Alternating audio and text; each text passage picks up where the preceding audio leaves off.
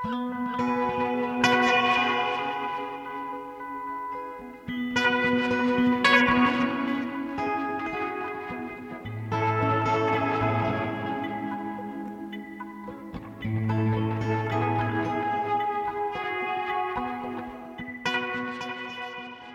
og sæl, ágetur hlustendur, Jóhannes Ólafsson og Halla Harðardóttir heilsór hljóðstofu Víðsjár og það er þriðdagurinn annar mæ.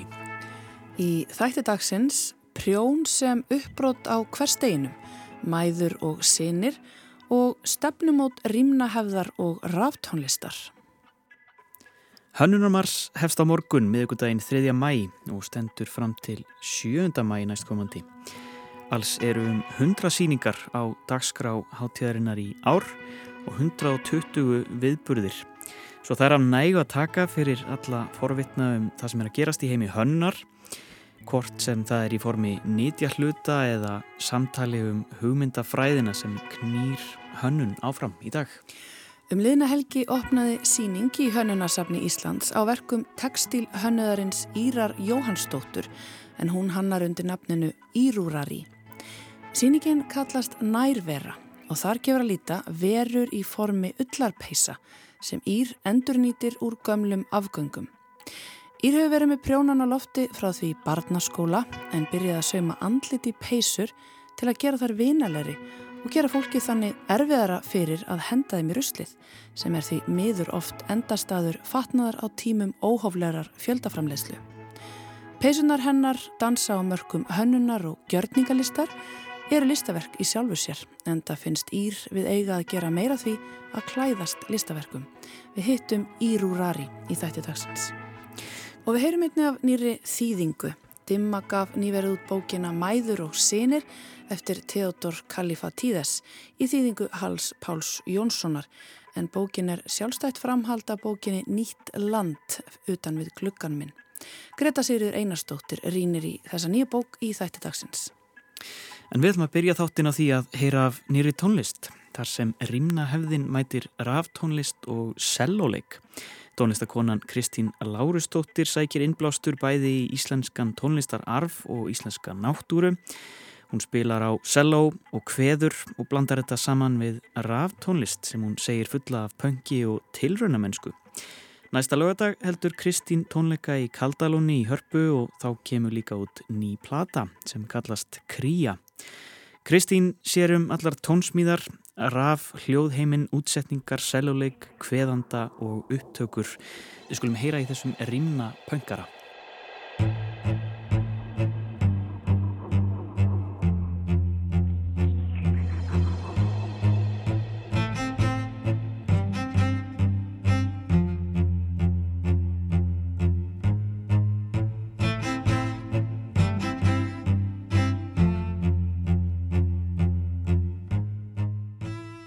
Hér hjá mér situr Kristín Lárustóttir, seljuleikari og tónlistamæður. Vertu velkomin Kristín.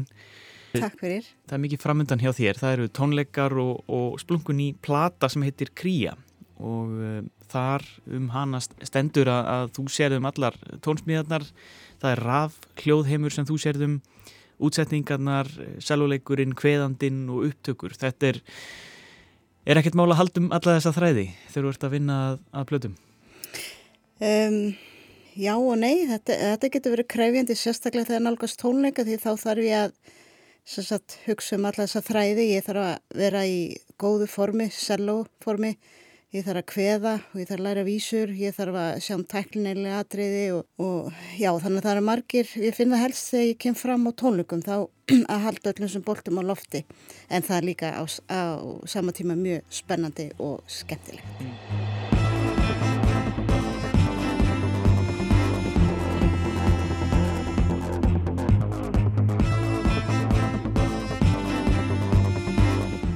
Og þessi plata uh, heitir Kría.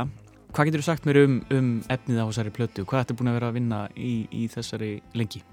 Í rauninni er þetta gömur lög sem ég átti í fórum mínum. Átta til tíu ára gömur lög jafnvel og sem ég átti alltaf eftir að gefa út og, og þarna, en ég var svona aðeins að endurvinna sem þeirra núna í desember og janúar ákveð bara að pröfa að kila á það og ganga frá þessum lögum og gefa það út ég spila sem þeirra ofinberlega en, en ekki öll sko mm -hmm. sem voru en þá svolítið bara í, í, í hugmyndabankunum heima eða ég var ekki alveg búin að fullvinna þau mm -hmm. En það var eitthvað sem kallaði á, á þetta að draga, draga saman hérna, sem átti heima á, á plödu Uh, já, ég var búin að hugsa um það lengi sko og raunin, raunin er alveg allan tveir aðri diska sem býða líka sko þetta gerir bara hægt og rólega þannig að þetta er bara einhvað, eitthvað svona kallar á mann eitthvað ég, Þú sækir svolítið innblástur í sko gamla íslenska tónlistararfin uh, rýmurnar en svo ertu líka með sko rafhljóð og, og, og raftónlist í bland við cello og svona. Hvernig, hvernig verður þessi, þessi bræðingur bræðingur til að leita í að blanda, blanda hinnu ímsu saman? Já, það er svo gana að blanda svona nýju og gömlu saman og til dæmis ég hef líka verið að vinna með barokkópi, Reykjavík barokk og þá finnst mér rosa spennandi að blanda saman rafljóðum við svona gamla gardnastrengi og samaskapi þá rýmna hverskapurinn og, og, og Íslensk þjóðlu við eitthvað nýtt, gamalt og nýtt saman og já, ég bara haft svo mikið áhuga á íslenskum tón Eh, þjóðlögum og bara þjóðlögum almennt, bara heimstónlist. Mér finnst þetta mjög áhugaverður heimur og einhvern veginn svo, ég veit ekki hvernig ég get sagt, nálagt hjartanu, þetta kemur svo frá fólkinu, þjóðlögin. Kemur þessi rýmna og þjóðsagna áhugi úr, úr bókónum bara? Ertu, ertu alveg upp við, í, í kringum bækur og... Sko ég er alveg upp í kringum bækur, já. Það var alltaf passa upp að lesa fyrir mann og, og, og passa, ég myndi lesa og Jú, svo er ég sett í tónlistanám þegar ég er sex ára og en einhvern veginn, ég er samt svolítið kannski út úr kú með þetta þannig rýmna áhuga og þjóla áhuga, sko, ég veit ekki, ég bara hef haft svo mikið áhuga sem ég var bann, bara, ég veit ekki hvað þetta kemur, mér finnst þetta bara eitthvað svo spennandi og, og, og þannig, svo fór ég einhvern fyrirlestur, þannig eitthvað þegar ég var tvítug, þannig að háskólanum, þá fór ég, þá voru emti verið að tala um rýmunar, þá fór ég, fór ég að fá enn meir áhuga því, sko, þetta er bara eitthvað svo kingi magna, það er bara, þetta er svo spennandi heimur, allt þetta rým og þessi hrinnjandi og, og bara söguna, þetta getur verið allt svakalega lýsingur oft, bardagar og þetta er bara eitthvað svona spennandi, eitthvað mm. æfintýri og, og gaman að leika sér að orðum og, og bara reyna svolítið á heilan að læra þetta allt utan að, það er bara holdt og gott svona eins og að taka smá svo dúku, halda heilanum við.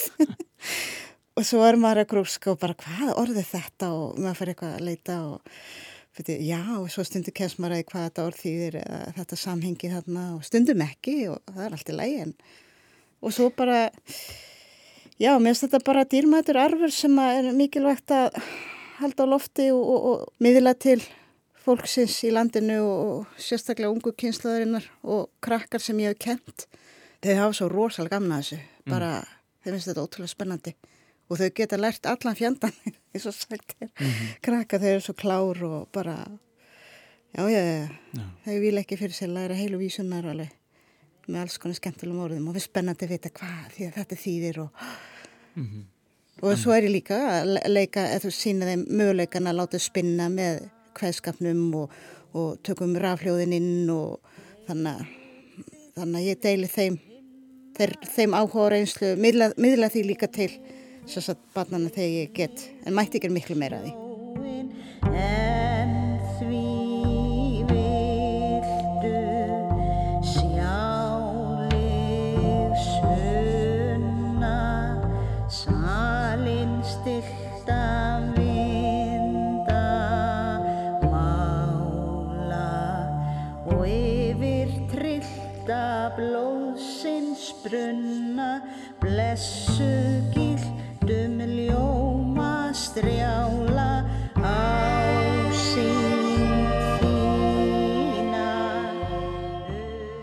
Þetta er lifandi arfur, þetta er náttúrulega bara bæði hveðandin eða þessi sönglu, þetta er bara, við kallum að það ímist stemmur, hvæðalög eða rýmnalög, þú veist þetta söng, þú veist þetta er bara, þetta er lifandir arfur og, og, og hefur farið mannan á milli og, og eins vísunar og rýmunar þetta er bara, þú veist, fólk er stöðut að búið til nýja rýmur eða nýjar vísur og nýja stemmur.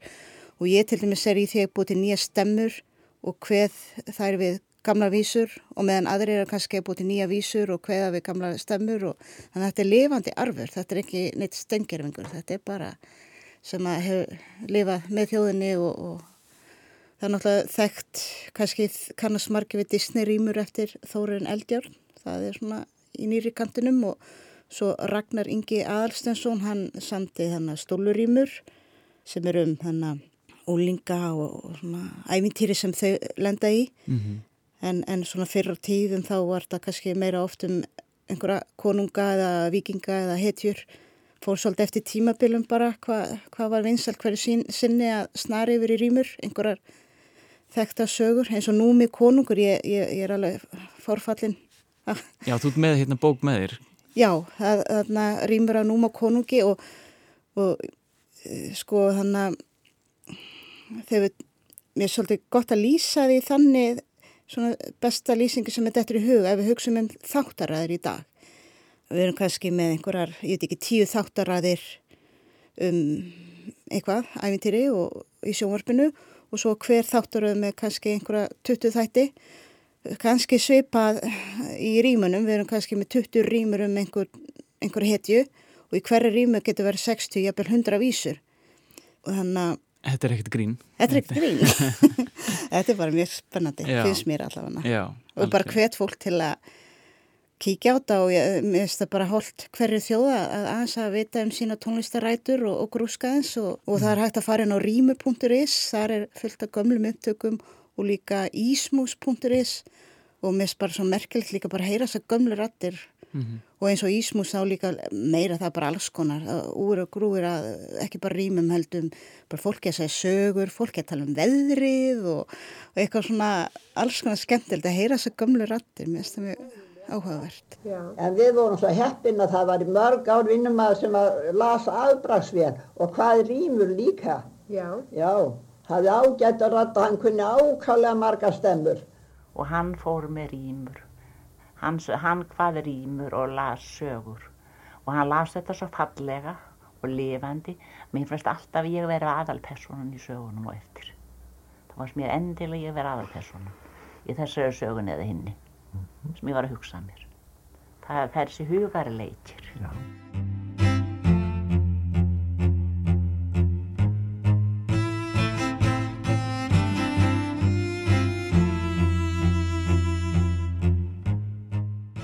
Var sellóið alltaf þitt hljóðfæri? Já, ég var mjög ákveðin þegar ég valdi á sínu tíma hérna í tónlistaskólanum í Kópavæ fór í fórskóla fyrst í tvö ár og svo sá ég sellóið og bara vissi að þetta var málið. Og það var ekki eftir snúið. Og það er náttúrulega hinn klassíski heimur sko. Og ég náttúrulega, ég elska líka klassíska heiminn og þakkláttur hann en, en þetta er svona ólíkt þetta þjólega þannig að já, ég er að blanda sama klassísku tónum með minni reynslu þaðan og þjóla arfinum og svo heitlaðar aftónlistarheimurinn líka mm -hmm. það, einhver svona pengur í manni skaman að leika með alls konar rafljóð og Já, ég tek oft upp sko minn, hérna, mín innihaldsefni sem ég nota svo þegar ég er að búa til raf eða hljóð heim og stundum getur að vera bara eitthvað eitt hljóð sem tek upp og svo kannski eitt, eitt sellótón og svo býð til einhvern hljóð heim í kringu það og Og á uh, þessari nýju plötu sem er, sem er að koma út, uh, Kría, já þú hefur gefið út uh, tvær plötur með, með einn tónsmíðum, mm -hmm. 2013 og 2016 Já. Ert á nýjum slóðum núna? Ertu, ertu, ertu að vinna með þessi sömu element og, og svona? Já, það er náttúrulega selló, eða sko fyrsta disknu þá, þá hveði ég sjálf ekki neitt sko. Ég lengi vel hvaði ég bara fyrir sjálfa mig og, og, og sískinabönnum mín og nefnendur. Mm -hmm. En það reyndar Steindor Andersen, hann hveði með mér í einu lagi þar á fyrsta disknum og svo einhvern veginn bara, það fór ég bara hveð bara sjálf, gerð það sjálf og þannig að þetta er kannski einhver svona svipar tótt, eh, ég á særið með skilgreina tónlistinu mína en það náttúrulega er cello og, og náttúra og einhver þjólafílingur kannski en, en núna, þessi lög sem ég týndi saman núna, þetta er kannski, já, þetta er meira svona techno, punk, rock, ég veit ekki alveg hvað, meira, meira stuð heldur en hitt, hitt er meira svona meira lagrænt, öðruvísi svona, mm -hmm. en já, þannig að þetta er og náttúrulega svakalegri vísunar núna og ekki fyrir viðkvæma. Blóður, bardagar og drauga þauðlagan og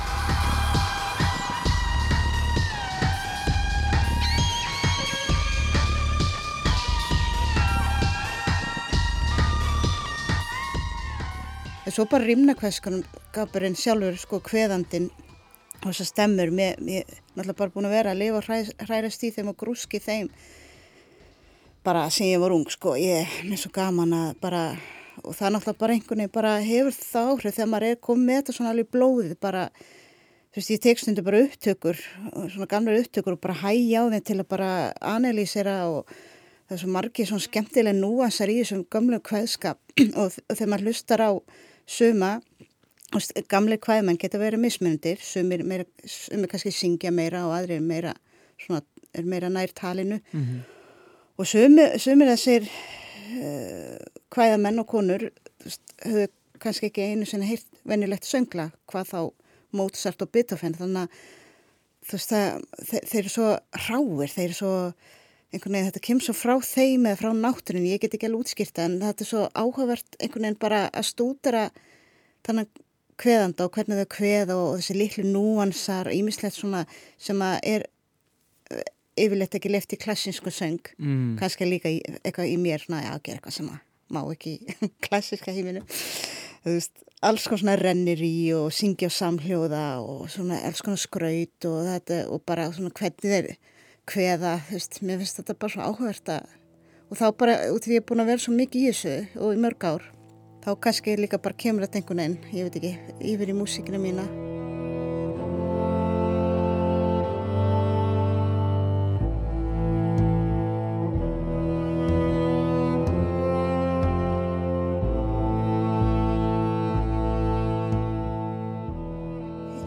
Eftir ímyndið sér sko þegar fólk var bara hérna á þessum tíma, náttúrulega ekkert sjónvarp eða útvarp og eða útvarp kom sent og fólk var bara einhvern veginn að veist, hugga sig í óveðrinu kannski eða haldi sig vakand á kvöldunum og svo náttúrulega þuluna líka þá veist, verið að reyna að róa krakkana og veist, það var bara að vera að reyna einhvern veginn að skemmta sér og öðrum með rýmna kveskap og þulum og upplestri og sálmum og, og þetta er ekkert nema möndur það það er náttúrulega eins og markbróknar þessar rýmur það geta verið allt frá bara möndurum og þarna eitthvað svona bara þetta er líka einhvern veginn þannig svona gott fyrir sálina og það er svo heilandi að syngja eða raula eða mandra og við erum með rýmunar til þess og svo getur orðið líka bara algjör hasar og bara gaman og mm -hmm. maður heyrir oft í orðunum bara einhvern veginn bardagan og blóðið og þetta er bara svo kingi magna mm -hmm. og svo eins og Íslandi veist, við erum ekki með gamlar hallir eða kirkjur eða veist, það er allt fókið burt eða brunnið eða mm þannig að náttúrulega menningin okkar er eða okkar arfur er svo mikið í tungumálinu sko og handritum og sögum og og, og, og nýtir þetta í, í þinni tónlist.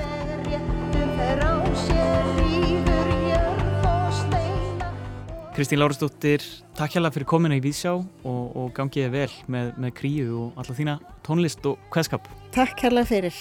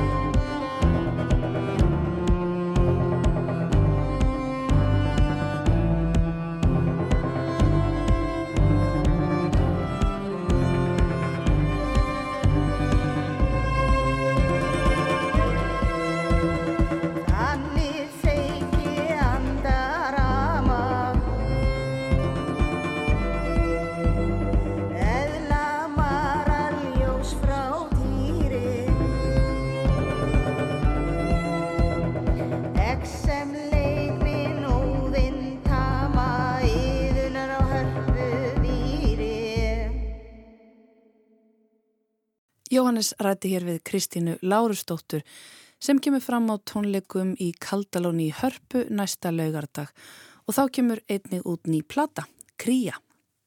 En þá höldum við verið í bókmentirnar. Nýverið kom út hjá dimmu forlægi bókin Mæður og sínir eftir Theodor Kalifatíðes í þýningu Hals Páls Jónssonar. Greta Sigriður Einarstóttir tekunum við. Þegar kemur að stóru spurningunum um lífið, alheiminn og allt saman verður oft fátt um svör og kannski er 42 ekkert verra svar en hvað annað. Lífið og dauðin, ástinn og skáldskapurinn, land og þjóð og stjórnmál eru starri umfjöllunarefni en svo að auðveldlega megi fjalla um þau á knappan og skipulegan hátt. Þegar stóru atriðin eru svona svakalega stór, er oft þægilegra að innbytta sér að smerri hlutum, inniskóm, kaffibótlum, flugvöllum og fiskikaupum á markanum.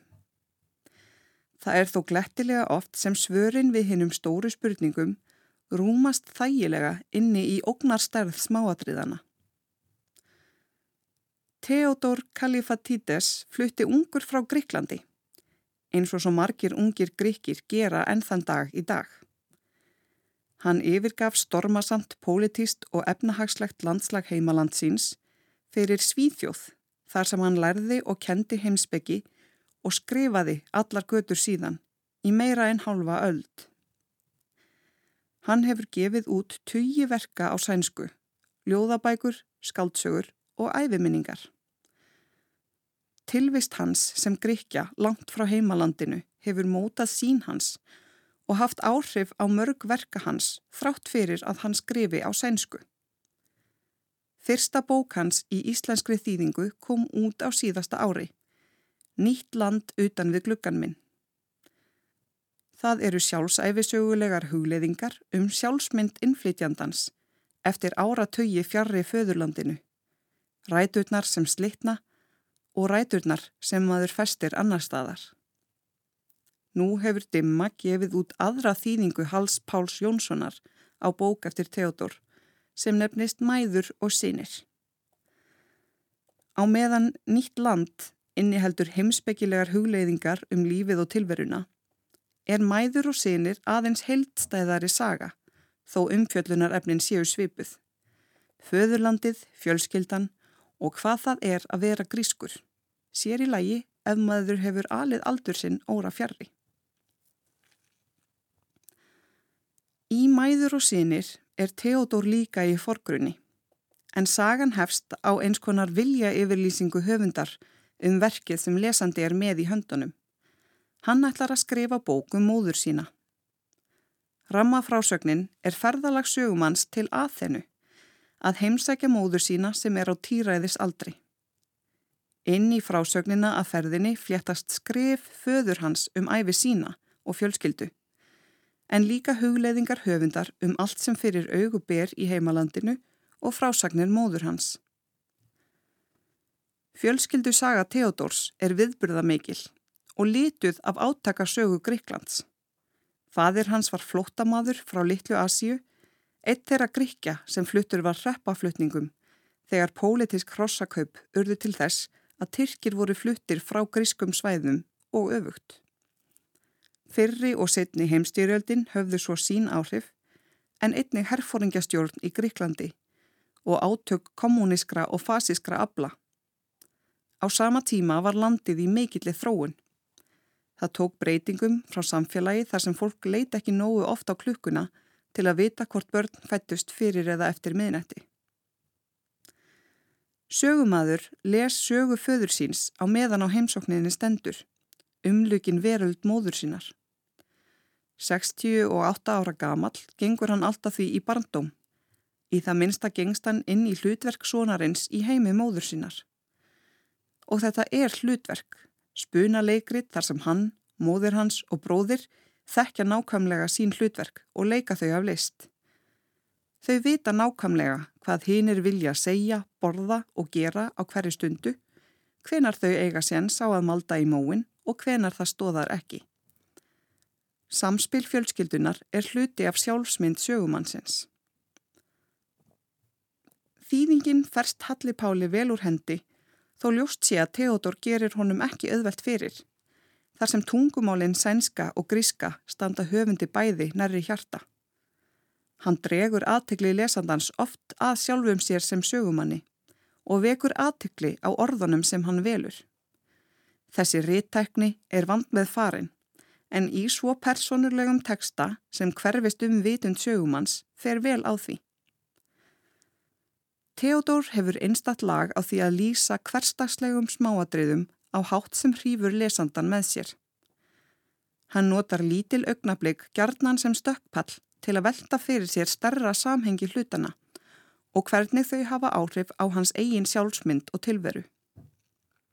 Móðir hans bakar möndlusmákökur sem hún vill gerðnan að hann taki með heim til fjölskyldu sinnar og við það vaknar ótti við að hann muni þurfa að gera grein fyrir kökunum í öryggiseftirliti á flúvellinum á leiðinni heim.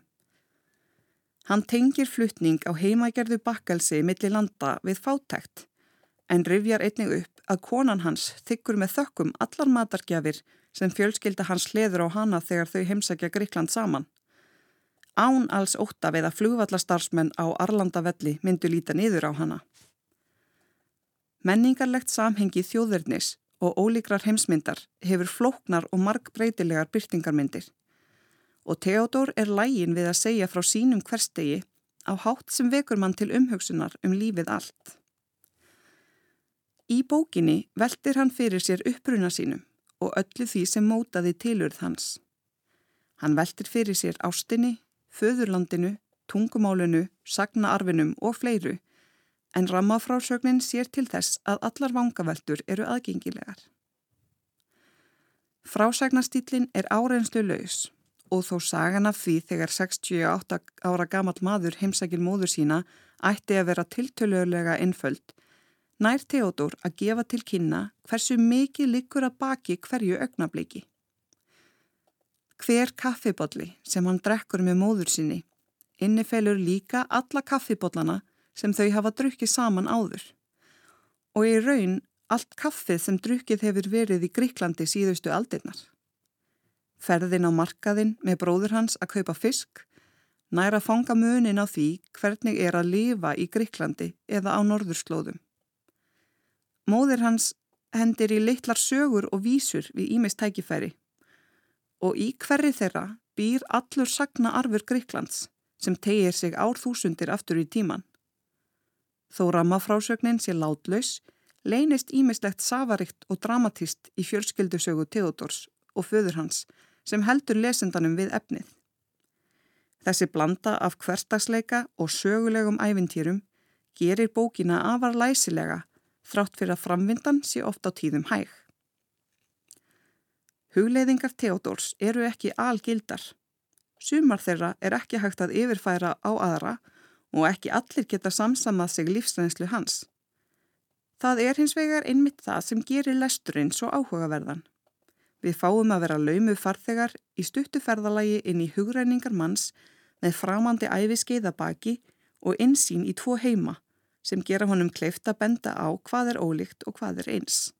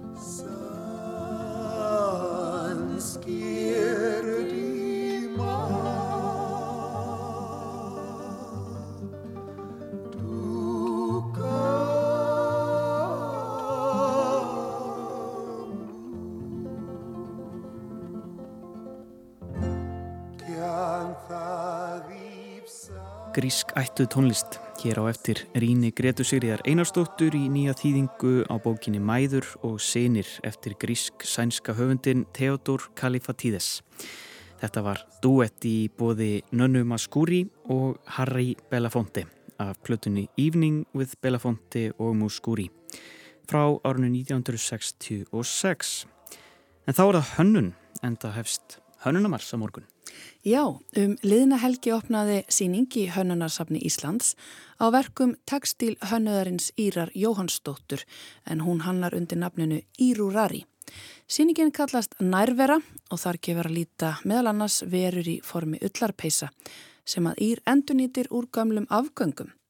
Ír hefur verið með prjónan á lofti frá því barnaskóla en byrjaði að sauma andlit í peisur til að gera þær meðal annars vinaleri og gera fólki þannig erfiðara fyrir að henda þeim í ruslið. Peisurnar hennar dansa á mörgum hönnunar og gjörningalistar eru listaverk í sjálfu sér en það finnst Ír við eiga að gera meira því að klæðast listaverkum.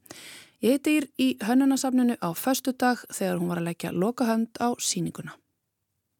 Sæl og blessið, Ír. Sæl. Gaman að hitta þérna hérna á lokametronum. Þetta er alltaf smetla. Þetta er eins og að vera í svona fyrðu veru skógi hérna. Já, þetta er svona átt að vera svolítið æfintýralega uppsetning á, á þessum skemmtilegu peysum sem ég er búin að vera að vinna að. Mm -hmm. Sko, hennunumass að fara í gang, opnin í kvöld, mér langaði örstuðt að rifja upp sko síðasta hennunumass þegar þú varst tilnemd til veluna. Já. Þá varstu tilnemd fyrir aldeilis frábært verkefni sem voru pulsupeysunar. Rifjum það aðeins upp fyrir mm -hmm. hlustendur, þannig að það lýsiði líka tólti vel svona hvernig þú hugsað. Já, í pulsuverkefninu þá sagt, var ég að vinna með Rauðakrossunum og ég fekk allt uh, fyllt af peysum sem að þær fá í flokkununa hjá sér og eru svona ósöluhæfar, það eru ykkur gött og slettur og flekkir á þeim og ég ákvaði að vinna svolítið út af þeim. Það var undar, hugmyndin kom með þeim sem að vinna í flokkunarstöðinni því að þær voru að segja mér að það sjá, sjáu svo átt peysur með svona flekkjum framann á sem er bara augljóslega eitthvað sem var að borða pulsu úti á skólaslutum í vindinum hérna, með tvær kannski. Eh, og ég vannaði svona út frá, það var svona útgangspunkturinn en að einu peysin þá saumaði ég úti í flekkina og svo var þemað bara svona pulsu þema og svo voru við einmitt með svona halgjara gjörning tískusýningu í kórlaportinu hérna mars, það var mjög skemmtilegt. Mm -hmm. Einmitt, minnum er svona pínu á hérna hérna japansku aðferðina við að vinna keramík þegar það er gilla sprungurnar þegar það gera fallir að það sem er í rauninu ónýtt. Einmitt, þetta er svona svipað að hérna, breyta bara skemmtunum eða svona sögunni í hérna, því sem hefur komið fyrir hlutina og gera það bara að ykkur gulli. Akkurát. Og allir þessi textil sem við hendum, auðvitað er þetta bara gull. Hefur lengi verið að pæla í sóun? Já, þetta kom svona þegar ég var í námi í textilhönnun að því maður fyrir að hugsa um eitt hvað, af hverju er ég að gera þetta og hvað endar þetta allt og, og svona skoða líka bara framleiðsluferðli að maður ætlaði um að fara í fjöldaframleiðslu. Og það er ekkit svo fallegt ferðli bæði upphafið og endurinn sko. Þannig að kannski skemmtið er í eitt árið eitthvað með flíkinu og svo já, veist ekkit hvaðan hún kom eða hvert hún fyrr mm -hmm. þannig að það hefur svona leiðið svolítið á mér og svona já, hefur verið að nota það bara í bæði láta mér líða betur og síðan er þetta bara ógeðslega skemmtilega aðferð er að gera eitthvað sem að ykkur hefur hend og gera það að ykkur er nýju og skemmtilegu En svona, hvort koma undan? Byrjar að prjóna eða kafa í endurvinnslu gáma? Þú varst byrjað að prjóna áður, eða ekki? Jú, ég lærði náttúrulega að prjóna í grunnskóla Já, í þriðja vekk bara og var með mjög góðan kennara og var það bara alveg prjóna sjúk þegar ég var 12 ára og var alltaf að lesa Andris Endblöð og prjóna á sama tíma eitthvað nefn gæti það. Og já, þannig að það kom mjög snemma fyrir e, prjónið sko. Og það hef komið setna inn þessi endurvinnslu pæling eitthvað nefn, svona meðfram bara að kynast tekstilunum betur og, og þessu bara, já, brjálaða magni sem að liggur bara e, í ruslinu. Mm -hmm. Merkilegt þetta með að þú hafi byrjað í þriðabekki textilment. Þetta er auðvitað sem við þekkjum öll hér á landi en ég kom staði allavega þegar ég flutt út og fór í nám að þetta bara alls ekki eðlilegt neinstaðar í heiminum að kenna bæði stelpum og strákum að prjóna. Já, ég hef mitt komist að þessu í allum smiðinum sem ég hef haldið erlendist. Það er allir, þegar ég segja að maður hefur lært í, hana, í skólanum og allir lærið að í skóla, það er bara ekki algengt, það flesti bara læra þetta frá einhverjum eldri í fjölskyldinni eða taka þetta upp setna mm -hmm. út af áhuga og svona, að við erum mjög heppin allavega ég er mjög heppin. Þetta kannski er ekki fyrir alla, skemmti sér ekki allir í tekstil, en það var alveg frábært að hérna, fá að læra þetta í þriðabæk bara og fatta og ég myndi að maður læri bara fullt og fatt, finna ykkur svona sem maður hefðast ekki fatta að það væri eitthvað fyrir mann að gera. Algjörlega.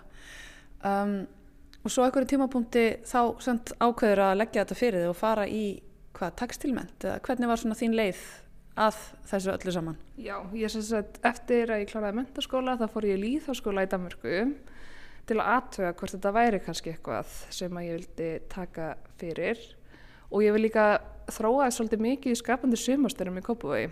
Eh, þar gerði ég mitt fyrir núna 11 árum síðan fyrir tíu árum þegar ég byrjaði þessa síningu þá hérna uh, gerði ég fyrsti svona peysulínuna og tók upp svolítið nafni Írurari og þetta byrjaði og það er, þetta er allt bara búið að þróast út frá þessu sumar í Kópavói sko. en svo lærði ég tekstilhönnin í, í myndlistaskólanum og í Glasgow skólafalt og bætti svo við með listkennaranum líka í listaskólanum mm -hmm. Já, þið finnst greinlega gaman að miðla þessu áfram, veist að hérna hefur haldið alls konar smiðjur fyrir fólk Já, ég þráaði smiðina hérna á hannunasafninu fyrir tveimur árum á opnu vinnustofunni niðri og hjælt eh, smiðjur og það var svona hluti af lokaverkuninu mínu í listaskólinum og þetta er svona skapandi fattaviðgerðarsmiður. Mm -hmm. Þess að fólk maður bæði herma bara eftir því sem ég er að gera eða einmitt, þetta er kannski ekki allra stíl þannig að fólk þarf líka að hugsa hvað þau hvernig þau vilja breyta flíkunum sínu þannig að þau notið það frá. Mm -hmm. en þetta er allt svona einfaldra aðferðum og þarf við ekki að kunna eins og það með nálaþæfinguna sem ég nota mikið og þarf ekki að kunna neitt til að hérna, spreita því á henni. Þannig að þetta bara, og síðan er þetta bara eins og að mála á, á mm -hmm. föttir síðu þetta verður reyndar að vera svona eila prjónuð efni til að gangi upp. En hvað er svona, hvert er þitt helsta verkfæri? Ég menna, þú nota prjónavél mikið, eða ekki? Eh, þetta er alveg allt handprjónað. Ég er sko sérhæðið í vélprjóni en ég nota það rosalega lítið þessa dagana. Ég er ekki með prjónavél í vinnustofunum minni í Berlín sko, þannig að þetta er allt handprjónað og allt, þetta er mikið af líka þæft á þessari síningu. Já, er það ekki eitthvað svona nýtt hjá þér? Jú, það, þró, það var þeirra til því að ég var að þróa lokaverkefni og ég fattaði, eða fann í bóka þessa aðferð að, að loka fyrir gött með nálatæfingunni og svo bara vatt það upp á sig og ég fór að nota þetta sjálf bara mjög mikið. Man nær svo mikið til þrývit með þessu, þetta er bara svona, já, skulturgerði eitthvað neginn með ull. Einmitt. Skuldur. Þetta er mitt miklu skuldurískari síning heldur en svo síðasta og þessi það er eiginlega að tala bara um hérna, verk hérna, þetta eru bara þrýviðar verur sem að mhm. peysunar eru búin að umbreytast í Já. þú ert að taka eitthvað nýtt skref hérna Já, ég hérna, get alveg fullkálega þakkað síningastjórunum mínum fyrir þessa uppsetningu ég hérna, ætlaði bara að taka fyrir að gera fullt af skemmtilegum peysum sjáða margar samanir í mig og gera kannski eitthvað skemmtilegt vídeo en svo það er hérna í stúdiofræði Ívei og Niki það er algjörlega bara umturnið þessu í eitthvað algjört upplifunar æventýri sko. þannig að það hef ég algjörlega þeim að þakka ég hefði ekki held ég fatt að sjálf þessu þetta meira bara í handverkinu heldur en í svona stórum innsetningar pælingum sko. Gungum aðeins hérna um, um þetta rými og hérna erum við að ganga fram hjá þessum peysum sem að eru einhvers konar verur með þæðartennur og nef og ímislegt á sér tengjast þar eitthvað sín á milli eða hva, hver var svona hvernig byrjaði þetta? Sko þessar, að því ég hef alltaf verið að vinna mjög mikið með að svona gera eitthvað karaktera úr fötunum. Svona hugmyndin smá með því endivinnslun er að ef það er eitthvað ef það er eitthvað svona andlit á þessu og þeir þykir svo vendið að þú getur ekki hendið í rysli lengur. Það er bara eins og að henda viniðinum í rysli. Þannig að þetta er svona líka eitthvað að reyna aðeins að hérna, ná inn í samvískuna hjá fólki og láta það bara, þú getur ekki sett þetta í rauðagrosskap.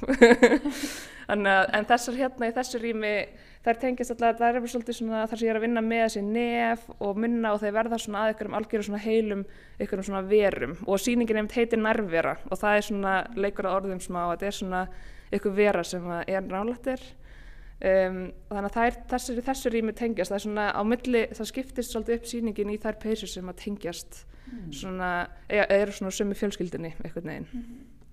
Hér tekur þetta vinalega andlit á móti mér Ég geti aldrei henda þessu frá mér. Nei, það væri, já, það þurfti eitthvað, þurfti að fá okkur aðstóðu ef þið ætlaði að henda þessari frá þér.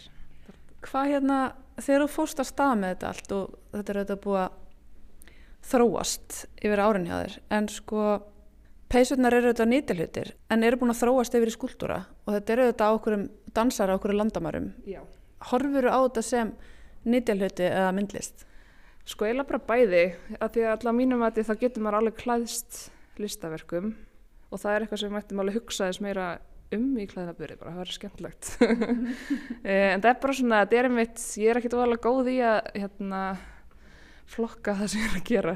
Þetta er bara svona, já, stekkur á millið þess að vera handverk, myndlist, hönnun, mm -hmm. eh, náttúrulega ferlið og svona hugsunin á bak við efni viðin og svona er eitthvað neginn svona hönnunarferli náttúrulega en síðan hvernig ég vinn þetta þú veist er meira bara eins og að skissa og mála og mm -hmm. gera skuldur en það er bara svona eitt lítið af öllu eitthvað neginn Einmitt, en kannski er það líka sem að gera þetta alls svo sérstakt að það er, það er ekki takt að flokka þetta Nei, einmitt, maður þarf alveg bara að finna út úr flokkuninni þegar maður er að sækja um styrki sko. Sem maður sækja um réttan sjóð. Þú getur eiginlega sótt í alla bara. Já, það er, já, það er kannski erfitt en svona, ég, að því ég lærði náttúrulega textil hönnun þannig að ég svona uh, skilgjörinu mest sem hönnuð og allt sem að, já, og þessi endurvinnslu pæling og svona og sérstaklega ég er líka að vinna verkefni núna með fléttu fyrir hönnunamars og þar eru að endurvinna og þar eru að fara að gera svona uh, pítsur þar sem fólk getur komið bara á öllar pítsurstaði í Gallery Port og panta sér pítsu að matsæli á bara pítsuverði og bara það verður þessu alvöru pítsustaði nema bara að þú farið öllar pítsu út í því og getur notað undir þessu eitthvað svona heit áhöld og, og svo leiðis mm -hmm. þannig að það er svona bæði gjörningur en það er náttúrulega líka algjör hönnun á sama tíma einhvern veginn mm -hmm. uh, þannig já, ég held líka alla Íslandingar eða Íslandi þá skilgjörnins þetta aðeins svona þetta, maður fer ofta á hönnunamars og eitthvað er meira eins og myndlistasýning svo fer maður á myndlistasýning og hún er meira eins og hönnunasýning mm. á meðan eins og að því býn hún í Berlín á hönnunarháttiðinni þar er rosalega mikið að sýningu sem er bara eitthvað að hér er nýjasta klósettið frá þessu eða nýja hérna, þjóavörnin frá þessu hérna, svona aðeins meiri yðnhönnun bara svona, svona já, ekki alveg kannski skrautleg og svona já, listrænirunni bara eins og Íslandi. Einmitt. Það eru þetta kostur og gallar við að vera í svona litlu samfélagi en kannski einn af kostunum er einmitt þessi að það þarf ekki að vera allt í ykkurum einum kassa, landamæri mm verða kannski bara óljósari Já. líka vegna þess. Já, algjörlega. Og ég held að það sé bara mikilvægt að það gerist sko, það er miklu skemmtilegra. En svo er líka þetta leikús í þessu hjá Já. þér. Og þú ert náttúrulega sviðslistakona líka. Mm. og hér er ég bara að fara að ganga innum tjald mm -hmm og inn í peysu og get hérna máta mig við. Þetta er náttúrulega smá sviðsetning í gangi hér. Já, þetta er einmitt, já, svolítið já, maður getur mátað föttin eða svim hérna í svona speklum og leikið sem er með nokkra hluti líka. Og svo er líka vídeo sem við unnum sagt, með hérna, síningarstjórnum það er hérna, eiginlega ekki heiðinin á uppsetningun og því öllu. En svo er við e, í svistarhóknum mínum CGFC að sagt, leika alla, allar peysunar og þetta er svona smá saga sem að hérna, varpast fram á þessu nýju mínúna myndskeiði en þetta er svona aðalega til að sjá að því peysunar eru náttúrulega allar grafkjörar hérna, í rýminu. E, þó að séu hressilega settar upp þá eru ymsið svona litli skemmtilegir vinglar á þeim sem sjást ekki þegar það eru svona kjörar. Og það kemur svona svolítið fram í, í myndbandinu. Ymmitt Hérna eru komnar inn í nýttrými og hér er eitthvað svona annað þema í gangi. Hér eru komnar yfir í fullt af tungum Já. sem eru kannski eins og þú sagði mér, líka vasar. Já, sumar eru vasar. Sumar eru bara skvit en það var svona, þetta er svona smá kaplaskipting síðan er hérna svona ringur af pörum uh, tvær í pari uh, og þær eru peysur sem eru saumaðar saman úr tveimur eða fleirum stundum peysum. Og þær eru svolítið, sína svolítið svona þar sem ég byrjaði, svona fyrstu peysunar þar veitna svolítið í þær. Það er svona prjónuðumunnar og þessir augnavasar þarna og, og svona. Og svo er hérna tungupeisurnar er svona, það byrjaði ég meira í þrývitinni og svona en það er einhvern veginn alltaf ennþá mjög svona tengt líkamannum og svona, svona kannski mjög bókstaflegt því að maður er einmitt alltaf, þetta er fyrir líkama að vera í. Mm -hmm. um, og tungurnar er einmitt, það er svona tímabil sem að, já, ég tók þar sem var, var mikið prjónað tungur. Um, og þetta er svona, já, þetta eru svona, svona nokkri kablar sem að hérna varpast fram. Og ég er svona einmitt líka vonast til að ná uh, hérna í rannsóknaríminu sumar að skapa smá hérna svona ekki beint rannsón, heldur meira svona söpnun á upplýsingum uh, til að búa til eða bók þannig að fólk geti, þetta er svona eila útfæra smiðjuna í bók. Þannig að fólk geti gert þetta heima því ég vinn svo hægt og fólk er alltaf að byggja um að kaupa mér eitthvað. Og ég er búin að vera bara að vinna í þessari síningu síðasta árið þannig að með smiðjunum og kannski með því að gera bók þá getur í staðin fyrir að fjöldaframlega þá getur fólk spreytt sér á sig sjálft og ég hef áður gefið út prjónaefskuttina á þessum tungum og munnum mm -hmm. og hún var sett upp líka á svona mjög skiljanlega mátaðan og þarf ekki að kunna eitthvað prjónatungumál og, hérna, og fólk hefur verið bara að fá þú veist, eða kann ekki að prjóna, þá er þetta oft fyrsta prjónaverkefni eða fengi ömmu sína til að hjálpa sér og svona og eiga bara eitthvað góða stund með ömmu síni, en þetta er svona skemmtilegri nálgun finnst mér heldur en að -hmm. senda þetta í að versmiði og það er líka rosalega erfitt að fjöldaframlega þær, það er svo mikið handverk í þeim. Að það var líka ákveðin gjörningur í því að skapa svona samveru millir fólks við að prjóna saman tungu, það er eitthvað fallast við það.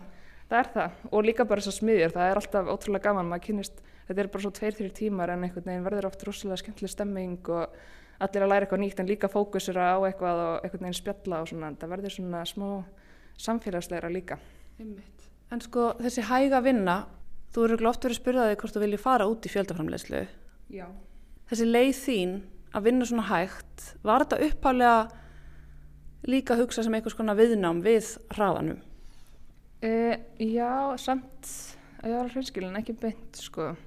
Þetta er náttúrulega bara, maður lærir svo mikið handverki í skólinum, í náminu og svona, þannig að það kemur mér bara út frá því, þú veist, og ég held að sé líka eitthvað svona, að þetta eru líka, þetta er svo mikið handverk og ég vil hafa puttana í öllu, eitthvað neginn. Það er alveg svona, eitthvað neginn líka smá erfitt skrif að taka að bara setja ábyrðin á eitthvað annan og fá eitthvað hendina sem ég snert ekki einu sinni og selja það undir mínu nafni mm. er svona erfiðara en ég er reyndar, ég er búin að vera að býði sex ár eftir digital prjónavél sem ég kæft að kickstartir og hún var að koma. Þannig að hérna á næsta ári er ég vona, ég ætla að flytja aftur til Íslands bara í byrju næsta árs finna mig góða vinnustofu og koma þessari digital vel í gang. Og þá er ég að vonast til að geta gert eitthvað aðeins meira system bara svona eftir pöntun. Ég reyna hann eitthvað svona grunn af eitthvað flík og frekar hann að eiga þá eitthvað lagar af því þá þarf fólk bara að býða í tvær vikur eða eitthvað svo leiðis og þá getur ég gert bara í réttri stærð og, og selta þannig sem er svona, það er svona þessi líka svona hæga hugmynd mm -hmm. um, svo veði ekki til allt af, af þessu efni sem að hlæðis bara það er rosa mikið sem að mitt fyrirtæki er bara að henda því það selst ekki þú veist ekkert hvað margir í mídíum vilja að kaupa flíkina eða, já mm -hmm. Já, akkurat. Þetta er auðvitað miklu heilbyrðar neysla að ákveða í langan tíma mm -hmm. hvaða flík þú viljir, fara til mannskjuna sem býr hana til, býða eftir henni mm -hmm. og þegar hún lagsist farðan í hendunar þá ertu aldrei að fara hendinni frá þér. Nei, einmitt. Þannig að já, þetta er svona mm -hmm. þægileg, eða já, já góðlið kannski til að gera hlutina. Spannandi fyrir þau sem að langar í peysu frá þér. Já. En já. hvað verður um allar, allar þessar verur hér? Uh, ég er að vona að það fá nú að ferðast aðeins. Það er að fara til Dammerkur í september og verða þar til sínis í nordatlantiske brugu uh, í Norrebrú held ég, ég er rosalega í landafræðinni inn í Kaupmanna. Um, það verða þar frá september til januar og svo er ég svona núna þegar hún er komin upp síningin þá get ég fara að taka þess myndir og heyra í uh, söpnum sem hafa verið að sína áhuga úti og vonandi fær hún aðeins að ferðast áður en að það er svo verða örgulega bara seldar mm. og fá eitthvað heimili mm. en, á, en áður en það fara inn í eitthvað fattaskapa þá verður fólk að njóta og skoða Sko það er hérna alltaf mikið að munnum og líkamslutum og tungum og hérna það er augljóst að líkamenn veitir innblástur og svo ertu alltaf búin að vera að vinna með pulsur og mm. pítsur núna, Já. þú ert alltaf í svona skyndibitamat líka Já Hvað svona veitið er innblástur? Uh, það er held ég bara það sem er í kringum hann, matur og fólk. Þetta er kannski að fara aðeins meira í fjallgöngu. þannig já, eins og líka já, sýstarhópurinn minn, við gerum alltaf verk um kartuflur líka sko, þannig að hérna, það er já, þetta kannski, ég er ekkert að leita langt fyrir innblásturinn en, en það er að virka og það er skemmtilegt að gera þetta líka svona. Og svona hugmyndið með þessum peysum er líka að það eru samt þó að ég sé ekki að leita langt í innblásturinn þá eru þeir alveg mjög sérstakar með að við svona venjuleg veljulega klæðnað. Og hugmyndin er svona líka að það séu svolítið uppbráðt á hversteginum þannig að ef einhver frænkaðinn á svona peysu og þú ert að fara í fjölskyldubóð og einhver er í svona, það er bara hressir aðeins upp einhvern veginn umhverfið og stemmingun og maður veit ekkert hvert það fara og það er einhvern veginn, þetta er náttúrulega bara svolítið svona gangandi listaverk líka sem er skemmtilegra finnst mér, heldur en kannski eitthvað sem er bara kyrt upp á veggin í stofi á söma fólkinu alltaf, það bara fara eitthvað, maður veit ekkert hvert það er fara og ég er meira þess að hirt um sumar sem hafa hist út af götu. Mjög skemmtilegt. Það er hægt að heitast og bara fara í sleik. Já, einmitt. Þannig kemur þetta performance element líka mjög stertinn Já, einmitt Já, við hérna, það verður gaman einhvern tíman að sjá tvo mætast á lögveginum í svona peysum. Þetta auðvitað dansar á mörgu þess líka að vera eitthvað svona búningar. Jú, einmitt, það, það, ég hef verið að tala um þetta sé svolítið, einmitt, að dansa á mörgu þess að vera, eða svona hérna, hverstagsklæðnaður og e, búningar, en mm. það er svo skemmtilegt einmitt að það sé ekki einmitt á sviði eða bara inn í kannski svona safnarími að þeir fari bara eitthvað mm og það gerist bara eitthvað eitthvað neginn, eitthvað óvænt við þær og það er ekki á í þessu svona, svona fyrirfram ákveðna umhverfi eitthvað neginn. Akkurat. Farðið enga þörf fyrir bara svona fylgjaðum eftir og bara dokumentir að þeirra ferðalega áfram í heiminn? Jú, það væri mjög áhugavert að vita en hvað hvert er hafa farið og hvað þær eru margar fyrir sem ég gert veit ég ekkert hvað þær eru sko og það er bara frábært Herði, ég ætla að leifa þér að halda áfram að hérna, þæfa nef og stoppa í peysur. Takk mhm. fyrir að hérna, gefa mig tíma og til hamingju með síninguna sem eru að opna núna á eftir. Já, bara takk fyrir. Halla rætti við Ír Jóhannsdóttur með að Íru Rari um peysur, pulsur, vinalega andlit, endurvinnslu og född sem uppbrott á hverstagsleikanum, svo eitthvað sé nefnt og Þannig ætlum við að segja þetta gott í Vísjá í dag. Já, takk fyrir samfélgina í dag. Við minnum ykkur kærlustendur á það Hönnunamars opnar á morgun þó að þessi síning Írar, Írúrari hafi opnað um liðna helgi í Hönnunasafni Íslands. Þá eru já, um 100 viðbyrðir sem fara í gang á morgun og standa til 7. mæ. Nó framöndan. Takk fyrir samfélgin í dag og verið sæl. Verið sæl.